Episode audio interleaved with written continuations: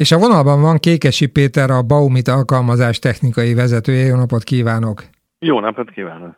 Arra gondoltam, hogy most itt, mivel már a vírus helyzet alatt is otthon elkezdték az emberek a felújításokat, ugye ettől volt hangos az összes társasház, hogy mindenki otthon megpróbált barkácsolni. Most meg, hogy vége és beköszönt a nyár, azt gondolom, hogy jön az egyéb munka, például télire hőszigetelnek és egyéb ilyen kérdések, de hát a hőszigetelés az nem egy egyszerű dolog, mert jól ki is tolhat magával az ember, hogyha nem körültekintően teszi.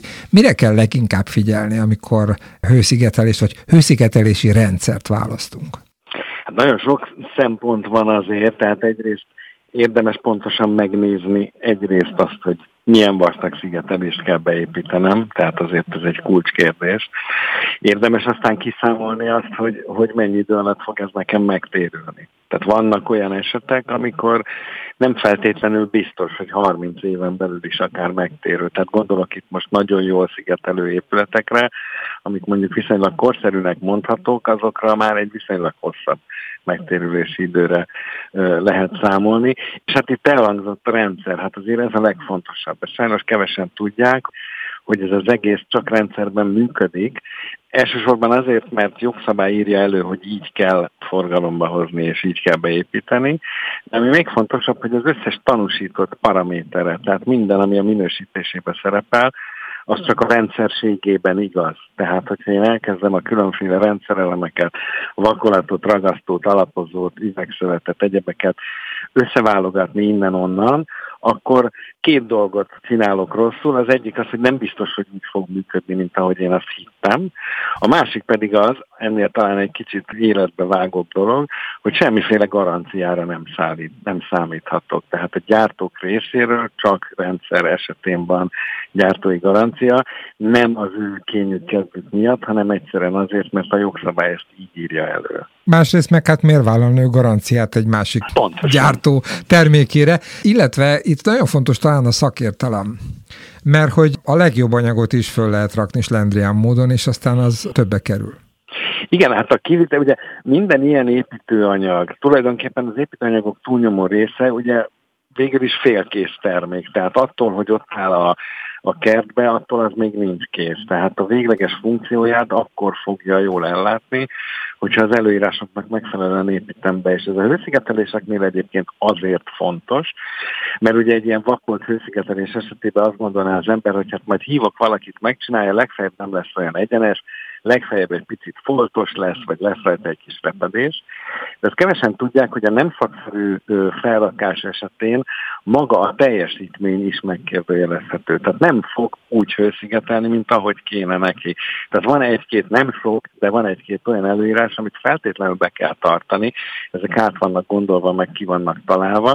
Ellenkező esetben lehet, hogy arra számítok, hogy hoz nekem egy 30%-os energiát, megtakarítást, és ahelyett csak 12-t fog hozni, és akkor borul ez az egész megtérülés számításom is például. Na most egyébként az is érdekes, hogy mivel kell kezdenünk, hogyha a hőszigetelés, vagy ha egyáltalán egy ilyen komplex energetikai felújításban gondolkodunk, a falszigeteléssel, a, az ablakcserével, a fűtéskorszerűsítéssel, a belső szigetelés fontos, vagy a külső, tehát hogy lehet-e belső vakolattal egyébként javítani egy háznak a, a hőszigetelésén, tehát egy csomó ilyen dolog van, ami talán nem biztos, hogy mindenki tud. Igen, kétféleképpen lehet ennek a tervezésnek neki menni. Az egyik, hogy megpróbálom nagyjából megbecsülni, hogy mik azok a szerkezetek, amin keresztül a legnagyobb a hőveszteségem. Vagy mondjuk nyáron, amin keresztül a legnagyobb a felmelegedésem. És ebben az fog kijönni, hogy nagyságrendileg, most nagyon durván mondom, kb. egyharmad a homlokzat, másik egyharmad a nyilázzárok, és újabb egyharmad az összes többi, tehát a padló, a tető, lapos tető, egyéb fűtési veszteségek, stb. Tehát egy igazán jó felújítás azért valljuk be őszintén akkor jó, hogyha minden szerkezetet érint, annál is inkább, mert hogyha egy szerkezetet elhúzok nagyon jó irányba, tehát mondjuk tökéletesen hőszigetelő a falam, de a nyilászárókat meghagyom, akkor úgynevezett hőhidakat tudok beépíteni. Tehát lesznek olyan szerkezeteim, amik korábban nem voltak hőhidak, és nem vitték ki a meleget, de most már fogják. Tehát azért elsősorban a komplexitás, ha viszont erre nincs pénz, tehát valamilyen módon szakaszolni kell ezt az egészet, akkor érdemes azt a szerkezetet választani, amin a legnagyobbat tudok fogni, és ez általában vagy a homlokzat, vagy a nyílászárok.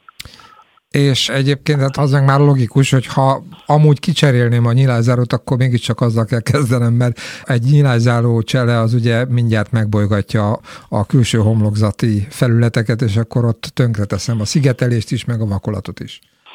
Igen, hát egy, egy, egy újonnan készült homlokzati szigetelés után a nyilázáró csere az egy kicsit valóban rizikós, mert könnyen lehet, hogy megsértem, tehát azokat érdemes akkor egyben kezelni.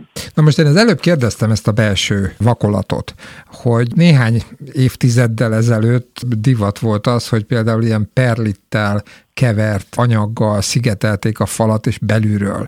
Uh-huh. Ez egy jó történet volt? Tehát lehet egyébként belülről javítani a hőszigetelést, vagy érdemes inkább azt kérdezném meg, hogy érdemes-e belülről próbálkozni, vagy egy, egy jól meghatározott, vagy jól kitalált külső szigetelés, az megoldja minden problémánkat, és bentre elég egy vékony vakolat, és akkor mehet rá a festék.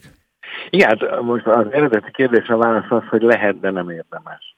Tehát a belső oldali szigeteléssel lehet, sajnos a fizika úgy működik, hogyha belülre teszem a hőszigetelést, ugyanúgy javulnak a energetikai mutatóim, meg ugyanúgy csökkenni fog a fűtés száma, ez eddig tök rendben van. Csak utána kezdődik a baj. Ugye a hőszigetelés alapértelmezésben, ha kívül van, akkor úgy működik, mint egy hálózsák vagy egy téli kabát védi az épület szerkezetét. Sokkal kisebb lesz a falnak a téli-nyári hőmérséklet különbsége, hogyha kívül van rajta a hőszigetelés, ezt belőle teszem, akkor ez a különbség még rosszabb lesz, mint hogyha nem lenne szigetelésem. Belülről szigetelt falak jellemzően teljes keresztmetszetükben átfagynak télen és teljesen felforrósodnak nyáron, ami önmagában véve nem tesz jót a falnak, és akkor van még egy csomó hátránya a belső oldalénak, többek közt nem lehet vele teljesen hőmentes megoldásokat kivitelezni, vagy nagyon körülményes módon. Tehát ugye azt mondják erre, hát van egy ilyen szakmai mondás, hogy a téli kabátot sem szoktuk lenyelni. Való igaz, tehát hogy a őszigetelésnek alapvetően mindig kívül van a, a helye, Egyszerűen azért, mert védi a szerkezetet, amellett, hogy hűtechnikailag is egy csomó mindent okoz. A másik része ennek a kérdésnek belül azért tudok valamit csinálni, ez viszont már a párával függ össze. Tehát léteznek olyan vakolatrendszerek, ezt nálunk a Baumitnál ilyen klíma, úgy is nevezik, hogy klímatermékcsalád, ezek messzes kötőanyagú vakolatok, és ezek a többi vakolathoz képest, tehát mondjuk a cementes, meg gipszes vakolatokhoz képest bizonyítottan sokkal nagyobb mennyiségű párát tudnak felvenni. Ez önmagába véve a pára problémákat nem oldja meg, de akkor, hogyha mondjuk már nyílázárót is cseréltem, légmozgás gyakorlatilag nincs, valamilyen módon gyakorta, sokkal gyakor, gyakrabban kell szellőztetnem, mint addig, akkor ezek a messzes vakolatok úgy tudnak hozzájárulni a jó beltéri klímához, hogyha nagyon párás a levegő egy helységben, akkor annak a párának egy jókora részét, mint egy puffer tárolni tudják, és aztán később, amikor mondjuk szárazabb már a, a levegő, vagy felőztetem, akkor meg le tudják adni. Tehát páratechnikai szempontból szóba jöhet a belső oldal hőszigetelés szempontjából nem nagyon javasolnám senkinek. Ez egyébként azért érdekes, mert pont erről is akartam beszélgetni, bár az időnk az nagyon fogy, hogy az is egy izgalmas dolog, amikor utólag úgy leszigetelnek egy házat, hogy aztán állandóan ki kell nyitni az ablakot, mert addig a kis szellős ablakon keresztül folyamatosan cserélődött a levegő, tehát nem penészedett a fal. Az egyik ismerősömnél a vadonatúj lakás úgy kezdte, hogy hónapokig a penészt próbálta eltüntetni. Szóval, hogy erre mit tudnak javasolni, de csak a szellőztető berendezés az, ami a megnyugtató megoldás? Igen, sajnos az a baj, hogy a, a légmozgás meg a páramozgás azok többé-kevésbé összefüggnek. Tehát amikor olyanok az ablakaim, hogy fütyül a szél rajtuk keresztül, akkor a a beltérben keletkező pára túlnyomó része azon keresztül megy. Az egy tévhit, hogy a falon keresztül túl sok pára tud távozni. Tehát az mérésekkel, meg kísérletekkel igazolt, hogy a falon keresztül beltéri páratartalomnak maximum 3-4-5 százaléka fog eltávozni. Az összes többi inkább ott marad. Egyszerűen azért, mert maga a fal is teljesen függetlenül a szigeteléstől elég nagy pára ellenállást jelent. Éppen ezért hozzá kell szoknunk, hogyha légtömörré teszünk mindent, tehát nyilván ez a hőszigetelésnek valamilyen módon vele járója, tehát magyarul nincsen kibe légmozgás az ablakokon keresztül semmi, akkor vagy tudatosan kell szellőztetnünk, tehát néha föl kell állni és ki kell nyitni az ablakot, vagy hát mint az irodaházak túlnyomó részében, ahol nincs is nyitható ablak, gépi módon kell megoldani ezt az egészet. Tehát ezt szépen lassan hozzá kell szoknunk. De egyébként, hogyha állandóan kinyitogatom az ablakot, akkor nem teszek rosszabbat, mint ha nem szigetelnék? Hát igen, ugye erre azt szokták mondani, hogy tipikus rossz megoldás az, hogy egész nap bukóra van állítva az ablak, sokkal szerencsésebb, hogy rövid időre, de nagyon intenzíven szellőztetni. Az általában a hőmérsékletet még nem szokta drasztikusan csökkenteni, tehát érdemesebb... Tehát az, az a... téves gondolat, hogy hú, én fázom, csak egy kicsit nyissuk ki, hanem inkább akkor egy nagy kereszthúzat csukjunk be mindent, és akkor télen jobban bemarad a meleg, nyáron meg a hűvös?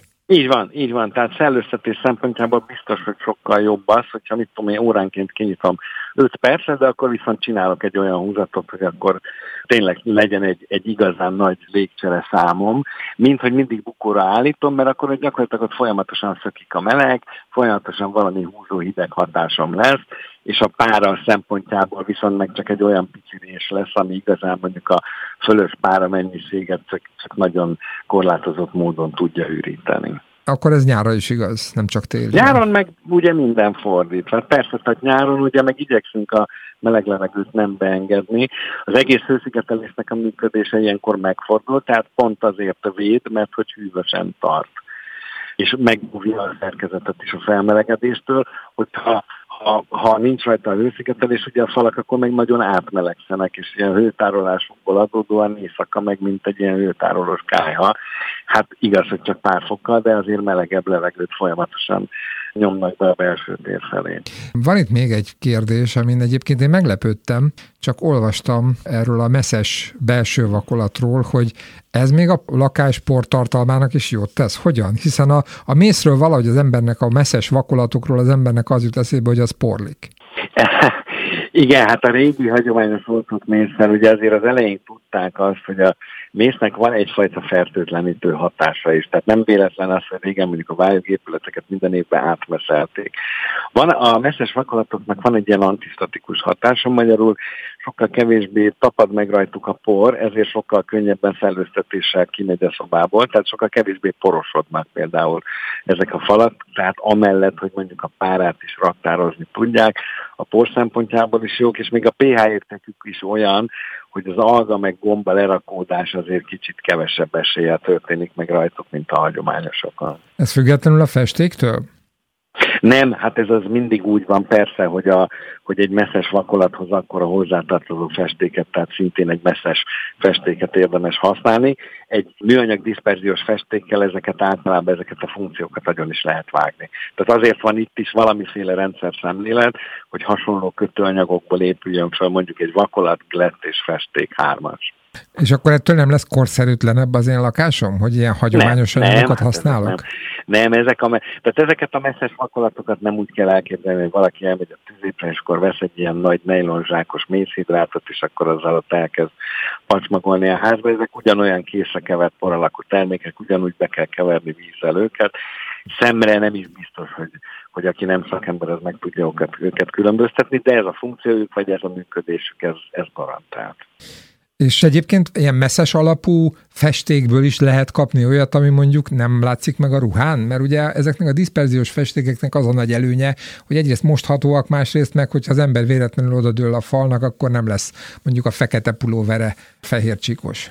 Igen, tehát ezeknek ugye a kötőanyaga a méz, de aztán nyilván van benne többféle adalékszer, tehát hogy, hogy ezt a problémát már az építőipar megoldotta, tehát nem kell attól félni, hogy az ember rátenyerel a falra, és akkor fehér lesz a keze. Tehát nem fogják meg a ruhát, meg, meg semmi olyan tárgyat, amit neki támasztunk. Hát ma is tanultam megint valamit. Kékesi Péter a Baumit alkalmazás technikai vezetője. Köszönöm, hogy rendelkezésünkre állt, tegye máskor is. Én is köszönöm a meghívást.